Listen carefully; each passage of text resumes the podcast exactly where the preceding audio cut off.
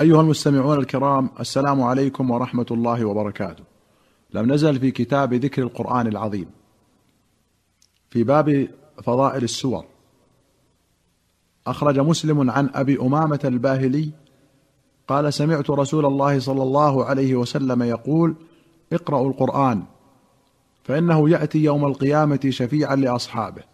اقرأوا الزهراوين البقرة وسورة آل عمران فإنهما تأتيان يوم القيامة كأنهما غمامتان أو كأنهما غيايتان أو كأنهما فرقان من طير صواف تحاجان عن صاحبهما. اقرأوا سورة البقرة فإن أخذها بركة وتركها حسرة ولا تستطيعها البطلة.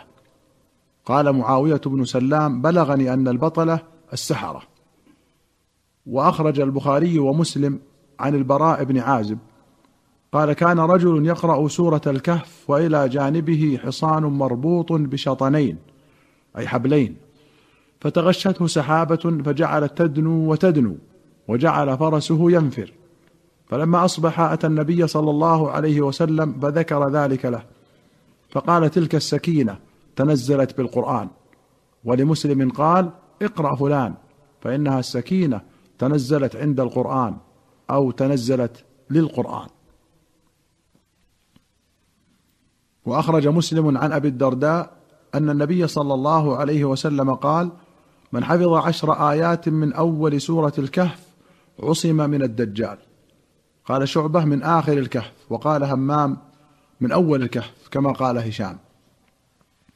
وأخرج البخاري عن زيد بن أسلم عن أبيه أن رسول الله صلى الله عليه وسلم كان يسير في بعض أسفاره وعمر بن الخطاب يسير معه ليلا. فسأله عمر عن شيء فلم يجبه. ثم سأله فلم يجبه. ثم سأله فلم يجبه. فقال عمر ثكلتك أمك يا عمر. وفي رواية ثكلت أم عمر. نزرت رسول الله صلى الله عليه وسلم ثلاث مرات كل ذلك لا يجيبك؟ قال عمر فحركت بعيري حتى كنت أمام الناس وخشيت أن ينزل في قرآن فما نشبت أن سمعت صارخا يصرخ بي. فقلت لقد خشيت أن يكون نزل في قرآن. فجئت رسول الله صلى الله عليه وسلم فسلمت عليه. فقال لقد أنزلت علي الليلة سورة لهي أحب إلي مما طلعت عليه الشمس. ثم قرأ إنا فتحنا لك فتحا مبينا. قوله ثكلتك أمك أي فقدتك ولا يراد بها حقيقة الدعاء إنما تدور على ألسنتهم. كما قالها عمر هنا لنفسه. وقوله نزرت رسول الله أي ألححت عليه في السؤال. وأخرج البخاري ومسلم عن عائشة أن النبي صلى الله عليه وسلم بعث رجلا على سرية وكان يقرأ لأصحابه في صلاتهم فيختم بقل هو الله أحد. فلما رجعوا ذكروا ذلك لرسول الله صلى الله عليه وسلم. فقال سلوه لأي شيء يصنع ذلك؟ فسألوه فقال لأنها صفة الرحمن فأنا أحب أن أقرأ بها. فقال رسول الله صلى الله عليه وسلم أخبروه أن الله يحبه. وأخرج مسلم عن أبي هريرة قال خرج إلينا رسول الله صلى الله عليه وسلم فقال أقرأ عليكم ثلث القرآن فقرأ قل هو الله أحد الله الصمد حتى ختمها وفي رواية قال صلى الله عليه وسلم احشدوا فإني سأقرأ عليكم ثلث القرآن. فحشد من حشد ثم خرج النبي صلى الله عليه وسلم فقرأ قل هو الله أحد ثم دخل. فقال بعضنا لبعض إني أرى هذا خبرا جاءه من السماء فذاك الذي أدخله. ثم خرج صلى الله عليه وسلم.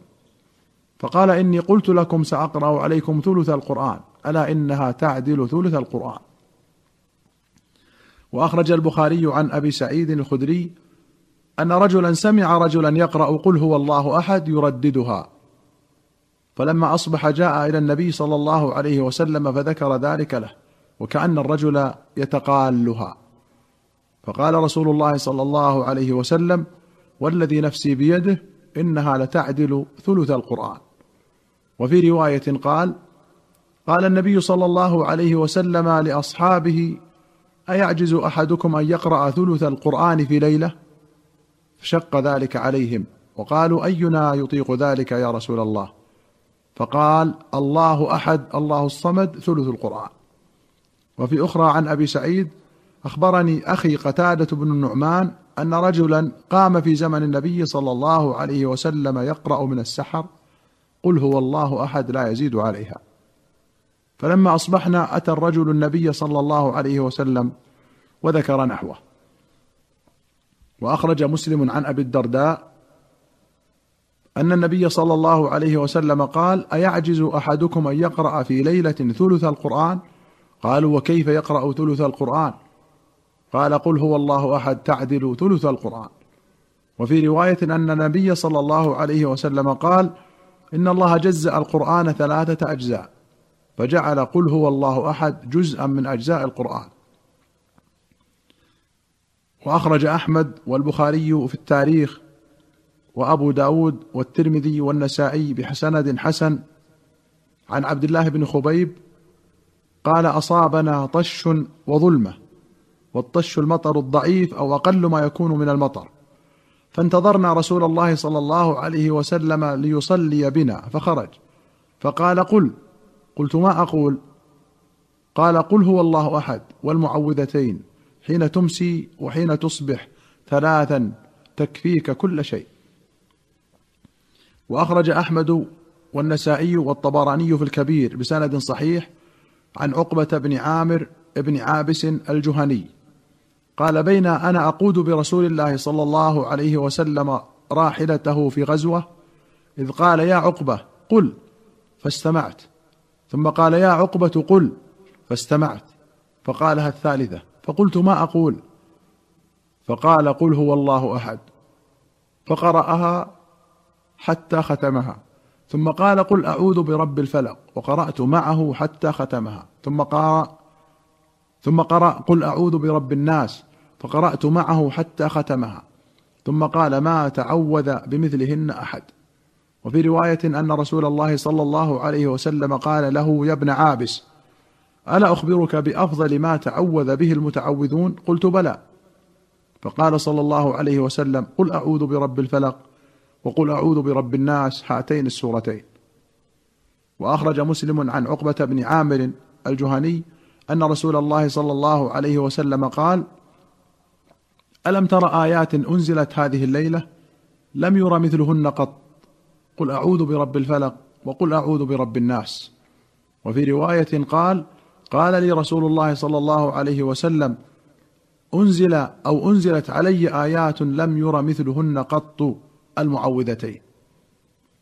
وأخرج البخاري ومسلم عن ابن عمر أن النبي صلى الله عليه وسلم نهى أن يسافر بالقرآن إلى أرض العدو. ولمسلم أن رسول الله صلى الله عليه وسلم قال لا تسافروا بالقرآن فإني لا آمن أن يناله العدو. وفي أخرى له فإني أخاف أن يناله العدو. قال أيوب فقد ناله العدو وخاصموكم به.